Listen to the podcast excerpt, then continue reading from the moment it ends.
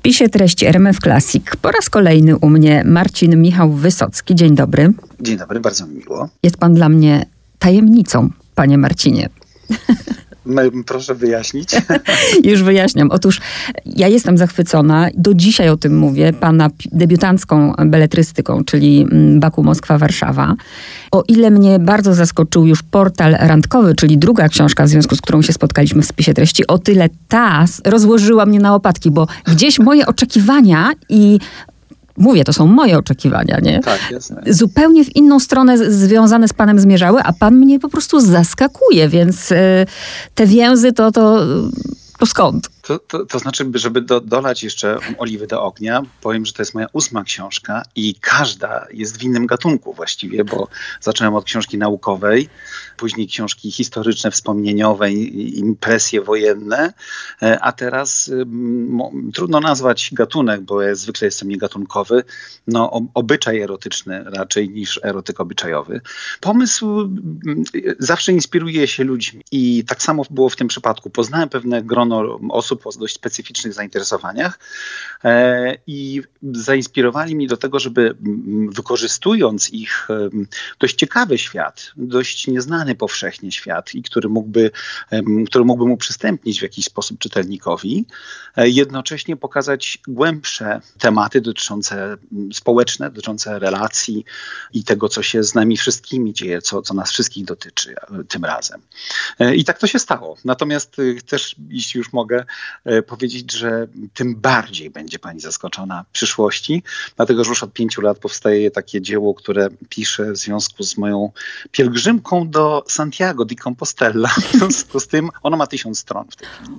Wow. W tym roku mam nadzieję je skończyć, już drugą wersję robię, więc myślę, że jak pani zobaczy kolejną pozycję, to, to zupełnie będzie, to do Pidżro będzie szok. Czyli cudnie, nie będzie, nie będzie można pana nigdzie wsadzić, a my tak sobie lubimy w, w, wsadzać w szufladki, prawda? Marcin Michał Wysocki od od Santiago de Compostela.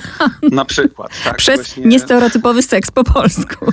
No właśnie to jest, to jest też tak, że jak teraz tak jako anegdotę opowiem, że jak z przyjaciółmi rozmawiałem w trakcie powstawania tej obecnej książki Więzy, e, to mówiłem, że stosuję rodzaj płodozmianu, e, czyli w poniedziałki i wtorki piszę erotykę, a w środę, czwartki piątki o drodze do świętego Jakuba. Więc, e, ale to chyba wyjdzie obu książkom na dobre. Niesamowite, ale to pewnie nie jest wygodne też dla, y, dla tych mm, krytyków, nazwę ich tak oczywiście, ja nie jestem krytyczką, dzięki Bogu.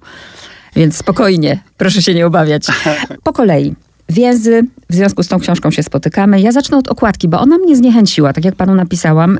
Gdybym co pan myśli o tej okładce? Proszę ją opisać słuchaczom i e, jakby pan zobaczył taką okładkę, no bo teraz widzi pan na niej swoje nazwisko. To moje pierwsze skojarzenie było z taką mm, tanią erotyką. Dokładnie. Powiem tak, to, to, to jest zawsze wielki problem. Y, ja uciekałem dotąd, przynajmniej w tych książkach obyczajowych, w taką niszę, którą sobie pięknie obudowałem. Mianowicie prosiłem moich przyjaciół malarzy, artystów o to, żeby inspirując się książką zrobili obraz, a później przekonywałem wydawcę do tego, żeby ten obraz stawał się okładką. Tak w przypadku było Baku, tak w przypadku portalu, chociażby ten obraz był wykorzystany jako, jako tylko ekran telefonu, ale także w przypadku Namaluj Mi.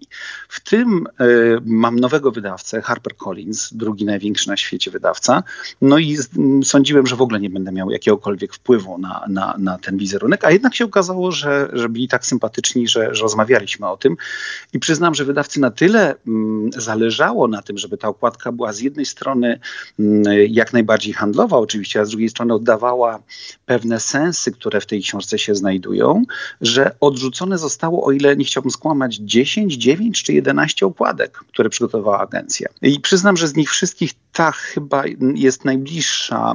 Pokazuje kobietę, wokół niej innych ludzi w maskach.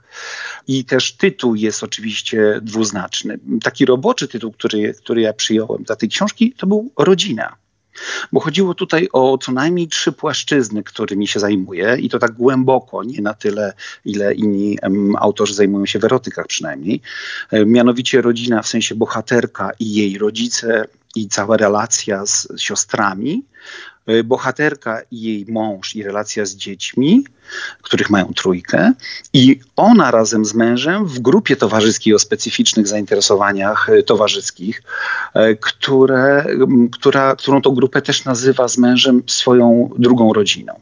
W związku z tym tutaj się nakłada kilka obszarów i ta rodzina mi pasowała. Więzy są o tyle ciekawe, że poprawnie powinno się mówić więzi, jeżeli mm. mamy na myśli rodzinę, a więzy, jeżeli mamy na myśli linę.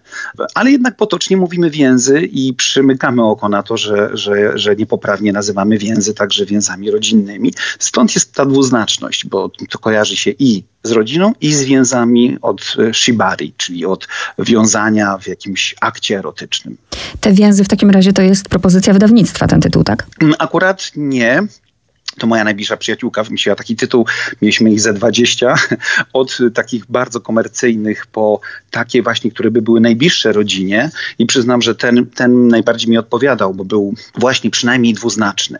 Rodzina o tyle była mm, niewygodna, że ktoś mógłby postawić tę książkę koło, na półce koło świętej rodziny e, albo, albo jeszcze na innej. I, i, i poza tym też w tłumaczeniu, o ile do niego dojdzie, byłoby to dość banalne, więc mimo, że wyraz nie jest u nas nadużywany w tytułach, ale więzy są bardzo ciekawe. Natomiast no, miałem różne pomysły komercyjne, ale nie chciałem być autorem książki pod tytułem na przykład Po trzecie seks. Mm. Chyba bym się tego wstydził. Ale myślę, że o tej rodzinie, gdyby to była rodzina i to dokładnie o tym samym pomyślałam, że ta książka mogłaby stanąć w różnych miejscach, to dopiero byłby kij w mrowisko i to dopiero byłoby... No i szczerze mówiąc mieliśmy właśnie dylemat z wydawcą, e, z Harpersem, dlatego że e, jak ją za, za, zapisać, do którego gatunku? No ja właśnie nie jestem gatunkowy. Na szczęście, myślę.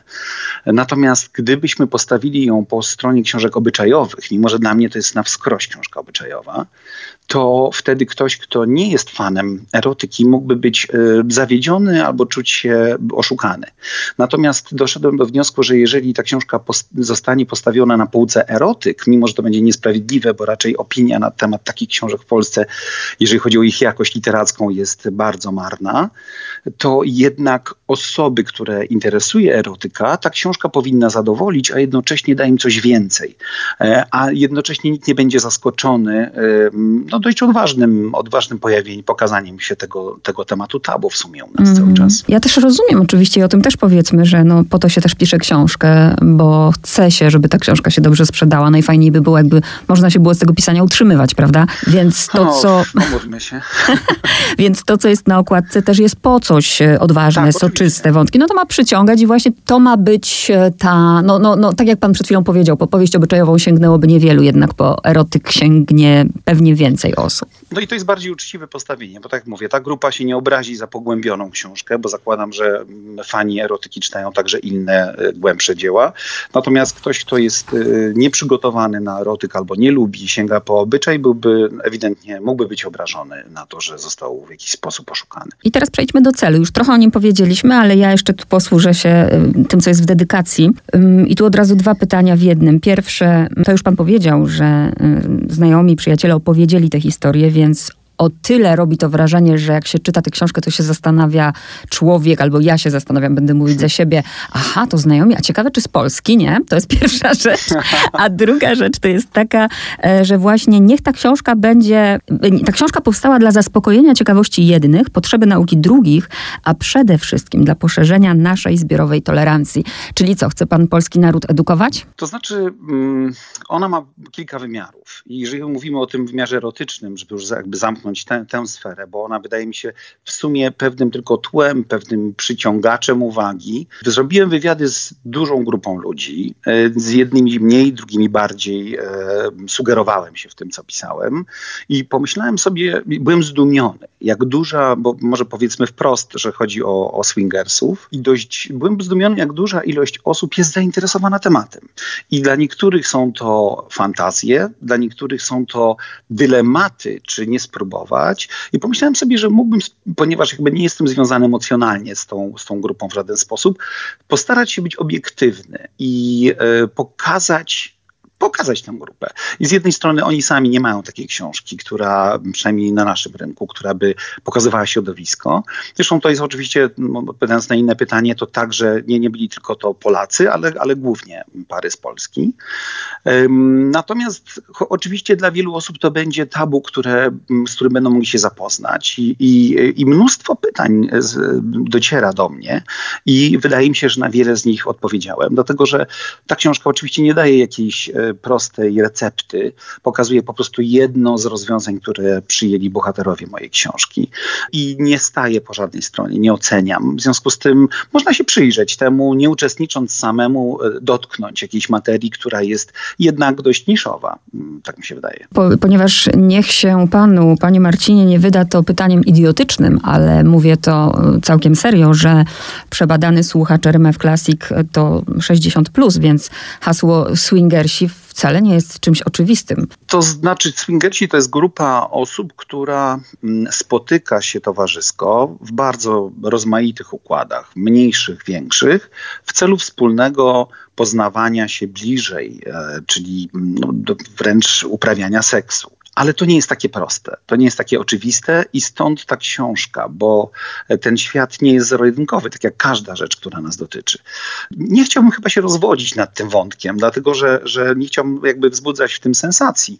Natomiast wydaje mi się, że ktoś, kogo takie zjawisko nigdy nie interesowało, znajdzie w tej książce znacznie więcej treści. Tak? To jest tylko jakiś tam, jakieś tło. Mhm. Natomiast tak, myślę, że odpowiada na wiele pytań, pokazuje, a, a budowanie większej tolerancji moim zdaniem polega na tym, że chciałbym, no, znaczy, rozmawialiśmy już przy poprzednich książkach. Moim zdaniem, dla mnie przynajmniej, pisanie książki jest moim wkładem w poprawianie świata. I jeżeli ktoś przeczyta tę książkę, to chciałbym, żeby znalazł w sobie tyle miłości dla drugiego człowieka, tyle zrozumienia, żeby nie oceniać kogoś z góry, nie znając tematu, w ogóle najlepiej nie oceniać.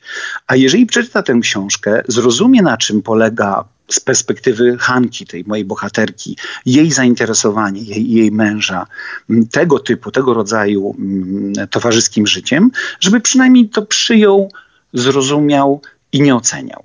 I, mhm. I, to jest ta tolerancja, której szukam. Tak, bo jeżeli my czegoś nie znamy, to najczęściej traktujemy to jako obce złe. Oczywiście, że o tej obyczajowości będziemy rozmawiać, ale też nie chcę, żeby pan drugi raz pan to podkreślił, że ale to jest tylko tło. Nie, jednak dla, dla wielu ludzi, dla wielu mhm. ludzi ten seks, powiedzmy sobie to wprost, i ten język, którym jest on opisywany, będzie bardzo ważny, więc też jakby nie umniejszajmy tego aż tak.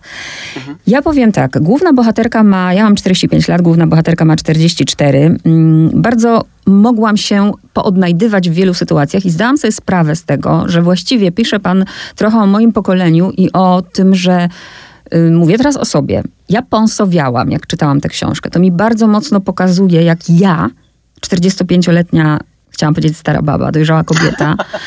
E, jestem, jak zostałam wychowana i jak, jak bardzo się wstydziłam nawet czytając tę książkę. Pana bohaterka w pewnym momencie używa takich słów i nawet sobie zaznaczyłam stronę, aczkolwiek teraz mi uciekła, że ona e, poczuła, jak bardzo jest istotą seksualną. Więc teraz ja mhm. poproszę pana najpierw o to, żeby pan przedstawił tę bohaterkę kilkoma słowami, bo to jest też właśnie niewiarygodne, skąd ona pochodzi, jakich ona ma rodziców.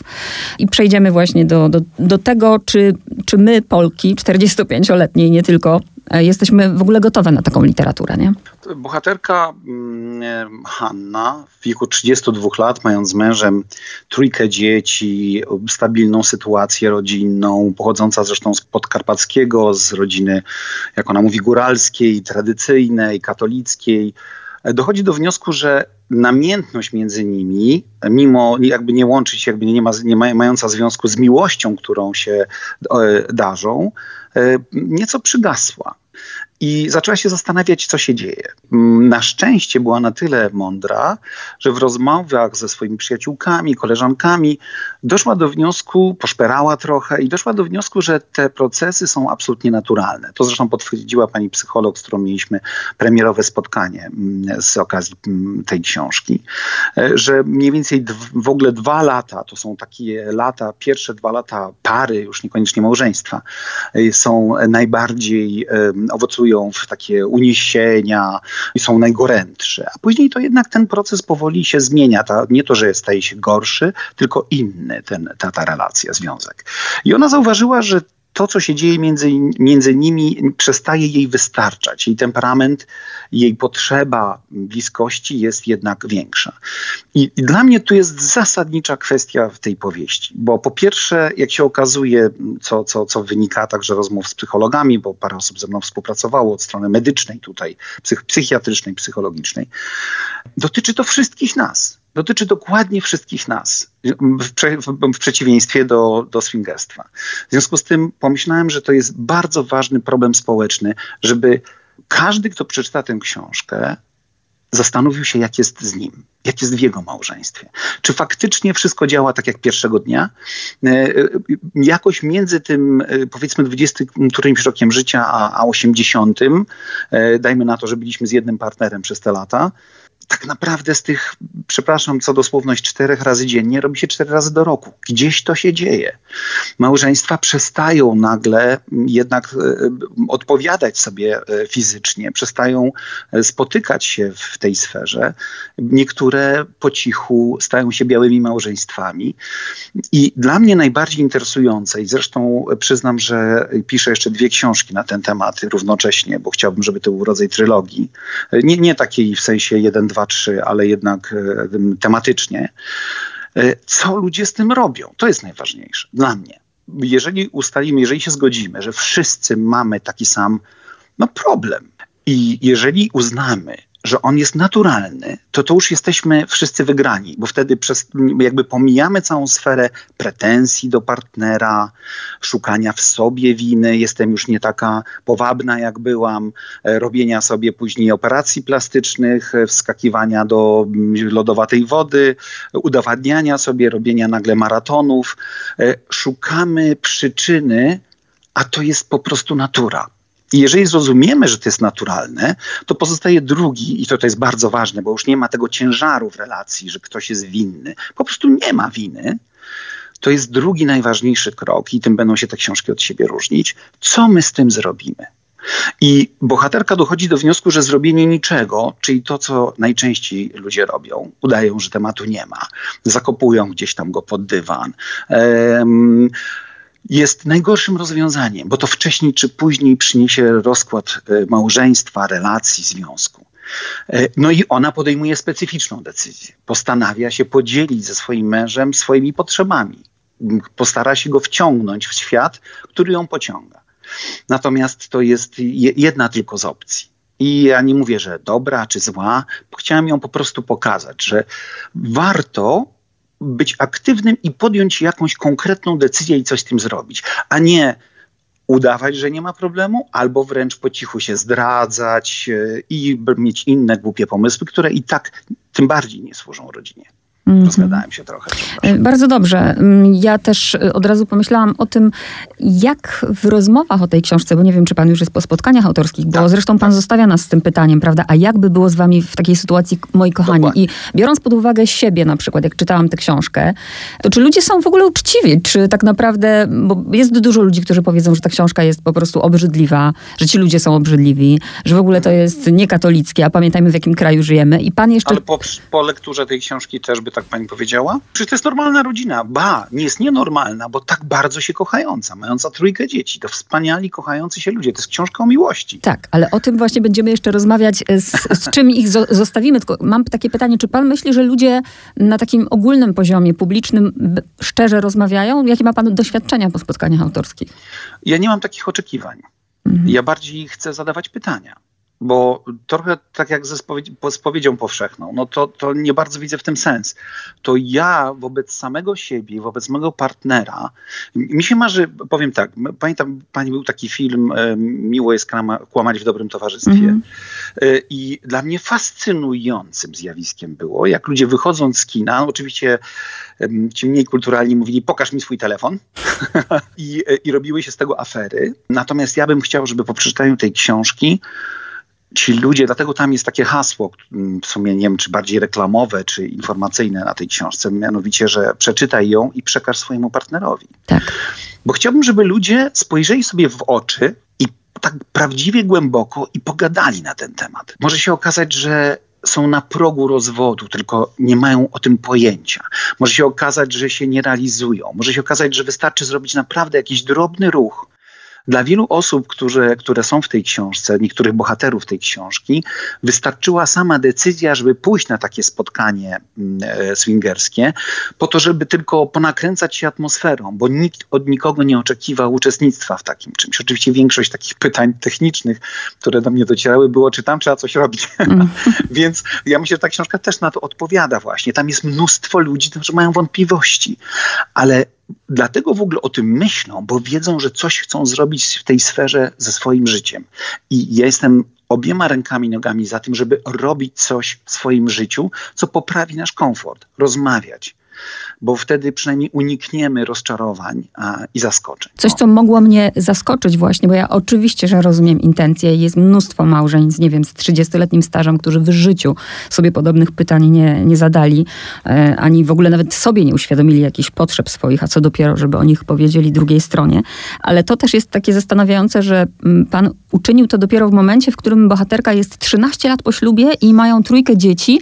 Mm, mhm. Ona zaznacza, bo na to też zwróciłam uwagę, że ona już poznała swojego partnera bardzo dobrze i ona wie, że może mu o tym powiedzieć, nie? że ona jakby wie, jak no nie, on zareaguje. Nie była do końca pewna, nie była do końca pewna, bo ona sobie, pamiętajmy też, że bohater może być oszukujący jak on jest narratorem w pierwszej osobie, to może powiedzieć wszystko. Ona sobie trochę dodawała kurażu ona tak twierdziła, a jednocześnie przecież e, nie miała pewności, jak on zareaguje. Ona powiedziała, że zdaje sobie już w samym wstępie, było napisane, że zdaje sobie sprawę, że ta rozmowa może podzielić nasz, naszą relację na etap przed tym, zanim z tym wyszłam i po, bo może on odrzucić i powiedzieć, ty jesteś jakaś zboczona i, i to może kompletnie zmienić ich, a ona przecież nie chciałaby stracić miłości swojego męża, który jakimś dziwnym trafem nie zauważa tego procesu erozji, który między nimi następuje, albo zauważa, albo nie chce nie zauważać. Tak? A proszę powiedzieć, na ile świadomie zrobił pan coś takiego, bo to były dwa momenty, w których miałam problem, bo wybuchałam śmiechem, a z drugiej strony stwierdziłam, a to jest pana Wysockiego prowokator, naprawdę. Bo mógłby pan przecież umieścić sobie te bohatery bohaterkę, nie wiem, dać jej na imię Klara, mieszkanka Warszawy, 40-latka z jakiejś tam wyzwolonej rodziny, a pan umieścił ją na Podkarpaciu, w prostej rodzinie. Ojciec zajmuje się stolarką. E, klub swingerski umieszcza pan pod Częstochową, gdzie jeszcze widać Jasną Górę. I myślę, na ile to było właśnie takie jeszcze podbicie tego bębenka. To znaczy osoby, które ja spotykałem e, w tym, w tym środowisku, najczęściej właśnie wywodzą się z bardzo tradycyjnych e, rodzin i wydaje mi się, że dla, dlatego dla nich to było też pociągające, bo to było odcięciem pępowiny od, od własnej tradycji, od własnej rodziny, szukaniem własnej tożsamości, bo to jest element własnej tożsamości. Coś, co mnie wyróżnia od, od tego, co wyniosłem z domu. E, I tak jak, tak jak bardzo wpływa na nasze także pożycie, także stosunek, także to, do, do, do seksu, tolerancja dla innych osób, to skąd się wywodzimy, z jakich środowisk jesteśmy, jaki mieliśmy proces wychowania, wychowawczy i z jakim partnerem jesteśmy, e, to tak samo bywa, że chcemy się od tego odciąć. Chcemy mieć swoje własne życie i jesteśmy ciekawi czegoś, czego nie znaliśmy z przeszłości. To, to, moim zdaniem to nie to, że to jest bez związku, ale, ale w pewnym sensie też. To znaczy, tam są bardzo różni ludzie i naprawdę fajni, fajni ludzie, wspaniali ludzie którzy po prostu mają, e, no, prowadzą absolutnie normalne życie, a to jest jakiś rodzaj, e, może nie podobny do zbierania znaczków, no ale na pewno dużo bardziej humanitarny niż strzelanie do zwierząt na przykład. Dla mnie może być to zaskakujące, bo pan powiedział to bardzo ładnie i dyplomatycznie, a ja zapytam jeszcze raz wprost. To znaczy, że, bo pan opisuje życie seksualne oczywiście tej dziewczyny, tej rodziny, jak ona, y, te jej starsze siostry i młodsze, to, że były krótko trzymane, bo to jest wprost napisane. Czyli mhm. co? To znaczy, że właśnie osoby wychowane mm, w taki sposób... Nie, znaczy od razu przerwę. Nie, tam, tam nie ma tezy, y, bo, bo nie ma takiego połączenia. Każdy z nas jest inny mimo że próbujemy się łapać pewne statystyki, szukać pewnych zjawisk, każdy z nas jest inny. Tam jest taka para bohaterów, Kiki i Marek, którzy są kompletnie z innego środowiska, nie mają żadnych przeszłości, obciążeń, a mimo tego e, poszukują w tej dziedzinie i wahają się przez pół książki, aż Hanka ma dość tego, że oni ciągle się wahają zamiast spróbować.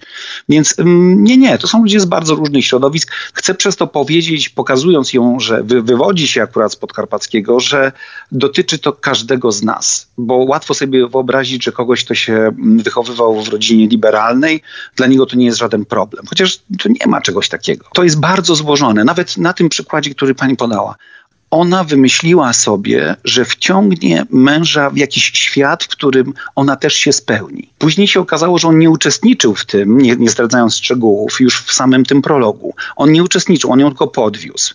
I okazało się wkrótce, że jej się wcale to nie spodobało. Mhm. Ale ponieważ on nie był i rozegrało się to w jego wyobraźni, to jemu się spodobało. I teraz on zaczął ją namawiać, a ona już nie była chętna. Więc przechodzą tam mnóstwo różnych egzaminów, y, które nie wszystkie wygrywają. To jest bardzo złożone świat. I tu się zatrzymam, bo to jest świetny moment, o którym właśnie pan powiedział i to ja się odkrywam w tym momencie, no ale dobra, też ponoszę jakąś, jak, jakąś okay. konsekwencję tego, że ja sobie zadałam właśnie to pytanie, bo jej się to nie spodobało. Nie będziemy zdradzać wszystkiego, drodzy mhm. czytelnicy, słuchacze sobie doczytać o co chodzi, ale ja sobie właśnie zadałam takie pytanie, co się dzieje później z taką kobietą? Dobra, była ciekawa, chciała sprawdzić, ale co później z, z poczuciem winy? Co później właśnie z funkcjonowaniem, y, czy z rolą siebie jako matki? Też nie widzę związku. My jesteśmy jesteśmy istotami seksualnymi bez y, połączenia, że jesteśmy też rodzicami. Tak samo jesteśmy zjadaczami glutenu albo kierowcami samochodów. To jest jedna z naszych funkcji. I bez względu na to, ile mam dzieci, czy mam dzieci, natura obdarzyła mnie jakimś potencjałem także w tym y, obszarze. To, co chciałem powiedzieć, e, pokazując tak szczegółowo ten świat, tą, tą, tą, grupę ludzi, to to, że jest to świat dobrowolny. I że to jest świat, w którym każdy ma prawo, tak jak do innego świata, wejść, dotknąć, posmakować, na tyle posmakować, na ile będzie miał na to ochotę i w każdej chwili z tego wyjść. Natomiast też y, bohaterka mówi, że ci, którzy wchodzą naprawdę głęboko w ten świat, najczęściej to są bardzo mocne związki, które to są ludzie, którzy bardzo mają, bardzo się kochają, mają olbrzymie do siebie zaufanie i to jest taki dla niej przynajmniej wyższy poziom zaufania jeżeli sobie para na coś takiego pozwala. I lepiej, żeby się nie zabierali za to ci, którzy nie są siebie pewni, bo może to się raczej skończyć źle. I takie Więc, przykłady też pan podaje oczywiście. Tak, tam jest, tam jest, to jest bardzo skomplikowany świat. Mi chodziło o to, żeby ktoś to przeczyta, miał bez doświadczenia osobistego miał pewien mm, obraz, jak to może wyglądać. Jeżeli jest zainteresowany, to mm, będzie wiedział już znacznie więcej. Jeżeli nie jest zainteresowany, to poznał coś nowego. Dla kogoś to będzie sensacja, tak jak napisałem we wstępie, dla kogoś to będzie mm, jakiś zapis świata, który go interesuje. No, a mam nadzieję, że dla tej takiej najbardziej zamkniętej na, e, na tego typu sytuacje osoby, będzie to nowość, która spowoduje, że ona sobie pomyśli, mm, nie wiem jak to ładnie ująć, że skoro ludzie robią takie rzeczy, to to, co mój Kazik wymyślił, to nie jest jeszcze takie najgorsze. Rozumiem. Dla mnie też istotny jest ten kontekst, czyli Polska, bo to jest naprawdę jeszcze, jeszcze ta Polska, w której teraz jesteśmy mhm. od paru no lat tak. w tej rzeczywistości. Pan daje obraz i to jest bardzo cenne i my to niby wiemy. Na takim poziomie ogólnym wiemy, że natura tak to wymyśliła głupio. E, pisze pan wprost właśnie o tym, że mm, łączymy się w pary w ogóle nie tak, że, że kobiety zdecydowanie później osiągają tę dojrzałość płciową, mają tak. większe potrzeby później, kiedy mężczyźni już właściwie nie mogą, że natura to pokręciła, jeśli chodzi o wiek. No ale na to się nakłada ta obyczajowość i jeszcze ta tak. Polska, którą mamy. I zastanawiam się, czy jesteśmy gotowi na to. To znaczy, wracając do, do tego, po co są książki. Po to właśnie, żeby ktoś w zaciszu domowym, bezpiecznie, miejscu, w którym się czuje bezpiecznie, mógł przeżyć pewną historię i jej doświadczyć ale przede wszystkim po to, żeby wyciągnął wnioski, jeżeli chodzi o własne życie. Jeżeli ma piękne, poukładane życie, kocha swoją partnerkę czy partnera, jest wszystko wspaniale, jest to pewnie olbrzymia rzadkość statystycznie, to po prostu przyjmie to do wiadomości. Ale mam nadzieję, że większość ludzi, którzy stoją przed takim pytaniem albo nie chcieli go sobie zadać, zadadzą sobie dla poprawienia jakby jakości swojego życia, jakości swojego związku. Bo nawet jeżeli do, oboje dojdą do wniosku, że podejmą jakąś decyzję, która jest, może się wydać nieracjonalna, to jednak to będzie decyzja, a nie zostawią swojego życia przypadkowi. Tak jak, y, nie wiem, no idziemy do lekarza, jak nas boli ząb, a jednak nie idziemy na terapię partnerską najczęściej, jeżeli coś się dzieje w małżeństwie, bardzo rzadko. Mhm. Kolejne kwestie, które, na które zwróciłam uwagę i też chcę zapytać o to, one się oczywiście, to można powiedzieć jest tło, ale mnie też zastanowiło, mianowicie alkohol w tym kontekście. Mhm. Bo często czy w tych klubach, czy na tych spotkaniach jest to, że właśnie wypili tego drinka, mm, podkręcili tą atmosferę alkoholem. Zastanawiam się, na ile właśnie ma tutaj ten związek alkoholu z taką otwartością na takie sytuacje. To znaczy, ja najpierw się przyłapałem na tym, że używałem go w takich alkoholu, w tych, w tych sytuacjach towarzyskich, jako mm, takiego rodzaju zbliżacza takiego katalizatora, bo jednak nawet te osoby, które spotykają się w tamtym środowisku, wiele z nich jest nieśmiałych. E, i traktuje jednak tego typu środki, jak alkohol, jako rodzaj uwalniacza swoich emocji, tak żeby być bardziej sobą. Natomiast tak nie jest, w sensie to, to nie są ludzie, którzy się upijają. Ja nie widziałem czegoś takiego. No akurat byłem tylko raz, żeby zobaczyć, jak to wygląda. No, trudno, żebym napisał książkę bez, zresztą namówili mnie z tego powodu. E, natomiast, i przyznam od razu, powiem, że to nie jest mój świat. To jest jakby w ogóle inna historia. To, to, to jest, moje doświadczenia tutaj są najmniej istotne istotne, ale ona dlatego, moje, użyłem jej słów, żeby powiedzieć, że to nie jest tak, że my ciągle pijemy. Ona tam mówi, że jak, jak, jak siebie słucha, to tak wychodzi na to, że wszędzie jest ten alkohol, ale to też jest kwestia, jak się go pije. Czy się go pije na umór, czy się pije po prostu drinka na, na przywitanie, po to, żeby, nie wiem, jakoś wspólnie stanąć i chwilę rozmawiać ze sobą. A ja sobie zadałam to pytanie, bo jednak no, nie trzeba się upijać na umór, ale wystarczy być pod wpływem alkoholu i to już jest y, stan, w którym no, nie myślimy trzeźwo, prawda? I... Mm, ale ona od razu y, ma na to świetny argument, że y, ewidentnie to nie jest tak, że, że mm, oni piją tam alkohol specjalnie, dlatego że to bardzo negatywnie by wpłynęło na libido mężczyzn. Mhm. W związku z tym to też y, by ich dyskwalifikowało. Druga rzecz to uważam, że bardzo ważne, co, co pan tutaj napisał. Ja sama doświadczyłam w innym kontekście trochę takiego spotkania z lekarzem. E, to się chyba nawet jakoś nazywa, ja teraz nie potrafię podać tej nazwy, czyli sytuacja głównej bohaterki, kiedy trafia jako młoda dziewczyna do lekarza i mówi jej, prawda, ginekolog będziesz miała, er, czy laryngolog, będziesz miała pociechę z... Tak, mąż będzie miał z ciebie pociechę. Ciebie, tak. No tak, to znaczy tutaj też są jakieś tam doświadczenia kobiety, która odkrywa swoją seksualność, nie rozumie na czym polega zainteresowanie nagłe mężczyzn. Tam, tam jest cała ta historia od wygrania mis szkoły przez właśnie takie zderzenia ze starszymi najczęściej mężczyznami. Przyznam, że tam jest też o gwałtach i przyznam, że miałem taką myśl kiedyś, żeby taką książkę popełnić.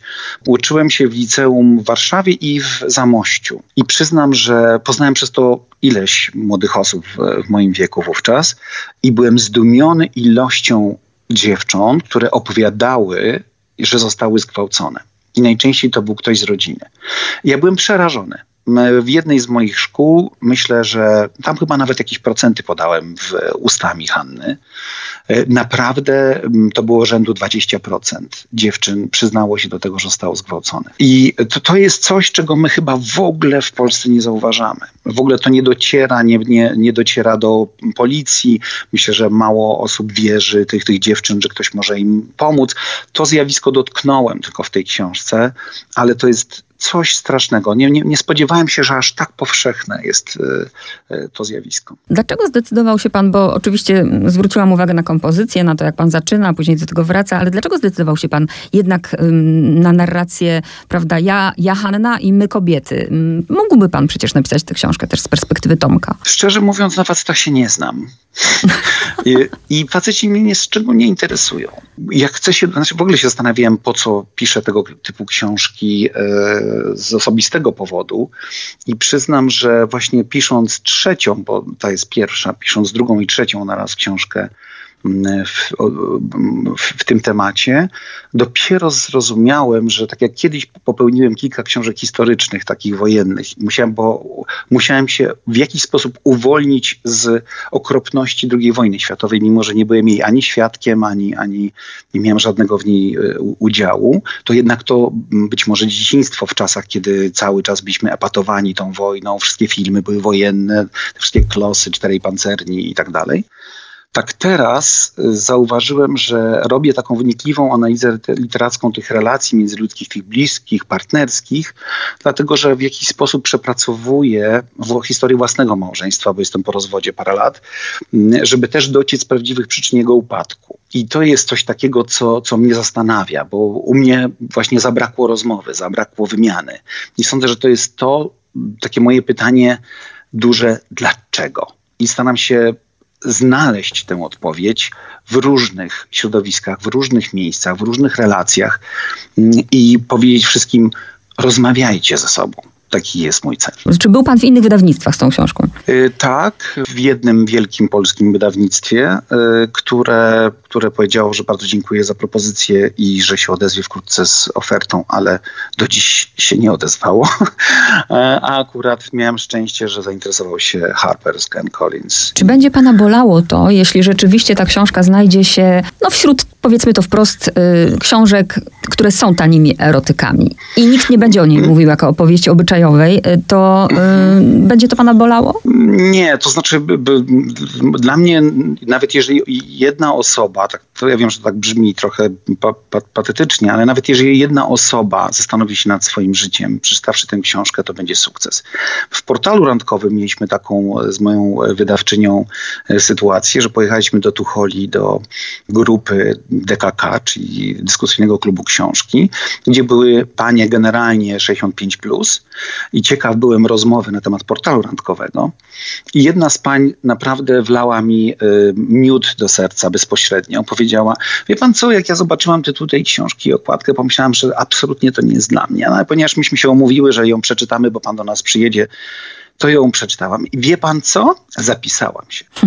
No I przyznam, że to był dla mnie największy sukces tej książki. Tak samo tutaj, jeżeli będą ludzie, którzy, i, i, bardzo proszę, żeby do mnie pisali, jeżeli ktoś taki się znajdzie, których ta książka poruszy i sprowokuje do rozmowy, to już jest krok. To ja będę naprawdę szczęśliwy. I taki jest cel będzie komuś lepiej. Ja sobie zadałam pytanie mm, jeszcze jedno, ponieważ tak się złożyło, ja zresztą Małgorzata Bugaj nie wierzy w przypadki. Za chwilę, za, za godzinę będę miała kolejny wywiad e, o depresji mhm. E, i książka o depresji. I wśród tych wywiadów, które się tam znajdują w tej książce, znalazła się historia, która się niezwykle wiąże z tą książką dla mnie. Mianowicie, o. E, bohaterka w depresji dostaje od męża Mąż oczywiście nie wie, że ona jest w depresji, ta depresja jest niezdiagnozowana. Ona mhm. dostaje od męża książkę, ponieważ bardzo lubi czytać, dostaje od męża książkę 50 twarzy Greya. Okay. I traktuje to jako sygnał od męża, jako znak, prawda? Ją to pogrąża. Ona zinterpretowała to od razu, że mąż jej chce pokazać y, tym prezentem, że to jest koniec ich małżeństwa, że ona nie spełnia jego oczekiwań i tak dalej. I to jest świetny też moment, no bo za chwilę walentynki, ja przy okazji walentynek właśnie tę naszą rozmowę wypuszczam i pokazania no nie takiej lukrowanej strony strony, no to mhm. y, myślę, gdyby ktoś chciał kupić żonie czy mężowi prezent, to też może mieć kłopot z interpretacją, prawda? Znaczy, przyznam, że jak ja bym dostał tego typu prezent, nie będąc przygotowanym oczywiście na tę książkę wcześniej, to uznałbym, że jest to hasło pod tytułem zróbmy coś, rozmawiajmy. I takie jest jej przesłanie. I sądzę, że to by była bardzo elegancka forma.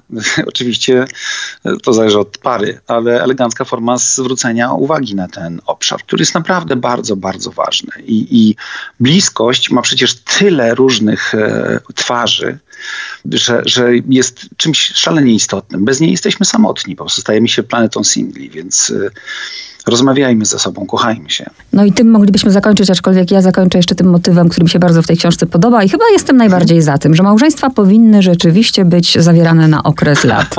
Wiedziałem, że się to spodoba. na pięć lat najlepiej, tak. dochodzi do wniosku Kiki. To znaczy, powiem pani, że jest, y, y, miałem taką refleksję, że są tego typu metody, tak jak właśnie ta, które by zmieniły wszystko. Bo jeżeli ludzie by wiedzieli, że dana relacja jest umówiona na określony czas, te pięć lat, to tych konsekwencji, które tam dziewczyny w książce wymieniają, jest mnóstwo i wszystkie są super istotne. Bo przecież wtedy kobiety nie robiłyby tego fatalnego błędu, żeby porzucać swoją pracę zawodową, e, swoją karierę. Przecież można jakoś podzielić się obowiązkami, jeżeli chodzi o dzieci, w taki sposób, żeby oboje byli także usatysfakcjonowani w obszarze zawodowym. Nie pożyczałaby swojego majątku, bo później nie ma gdzie wrócić i w ogóle ta podmiotowość obu osób byłaby naprawdę równa. Faktycznie byliby partnerami i jednocześnie każdy musiałby mieć z tyłu głowy, że jak nie będzie się starał, jak nie będzie dbał o drugą osobę, jak nie będzie dbał, troszczył się o relacje, to jednak może skończyć się to nieprzedłużeniem kontraktu. Myślę, że to byłoby bardzo uczciwe. Bardzo uczciwe i wymagające od nas uważności na drugą osobę.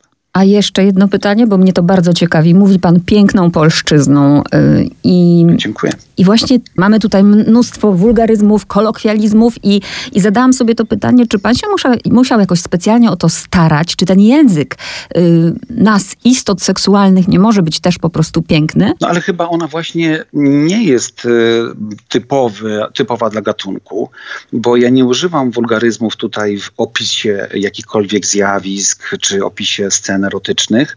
To jest ewentualnie subiektywny język bohaterów. Więc właśnie starałem się bardzo, żeby ta książka była elegancka. To znaczy, żeby mimo, że jest odważna, to żeby nie była wulgarna. Ona może komuś się wydawać wulgarna z tego powodu, że naruszamy jego tabu ale tam nie ma ludzi zepsutych pod tym względem, nie ma ludzi wulgarnych. Oczywiście jest to jakaś jedna ze sfer tego życia towarzyskiego, że ktoś może akurat być, nie wiem, ekscytuje go używanie tego języka w takich sytuacjach. Niemniej jednak każdy z nas jest inny. Odebrała Pani wrażenie, że ona jest wulgarna? Od razu wróćmy do, do mnie i do tego problemu Mm, mojego, nie? bo ja mam świadomość, z czego to wynika i tak dalej.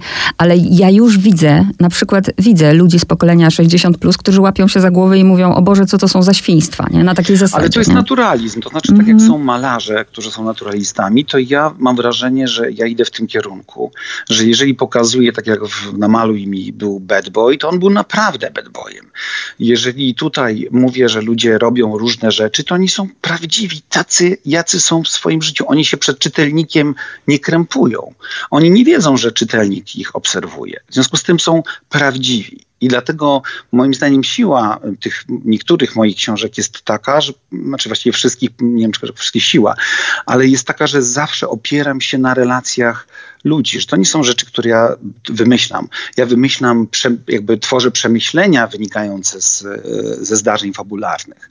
Natomiast opieram się jednak na, na, na przeżyciach ludzi. I, I to jest rodzaj prawdy, rodzaj naturalistycznego obrazu. Odważna książka na pewno i myślę, że po naszej rozmowie wielu po nią sięgnie. No, powiem tak, że trafiła w ręce na początku recenzentek książek erotycznych i byłem bardzo zdumiony, że dwie z nich, jedna powiedziała, że dawno się nie czerwieniła, a przecież takimi książkami się głównie interesuje, a druga bardzo sprytnie, nie umiem tego powtórzyć, ale stwierdziła, że po przeczytaniu e, połowy musiała wybiec i twarzą polecieć w śnieg, żeby trochę się ochłodzić, bo ma czerwone policzki.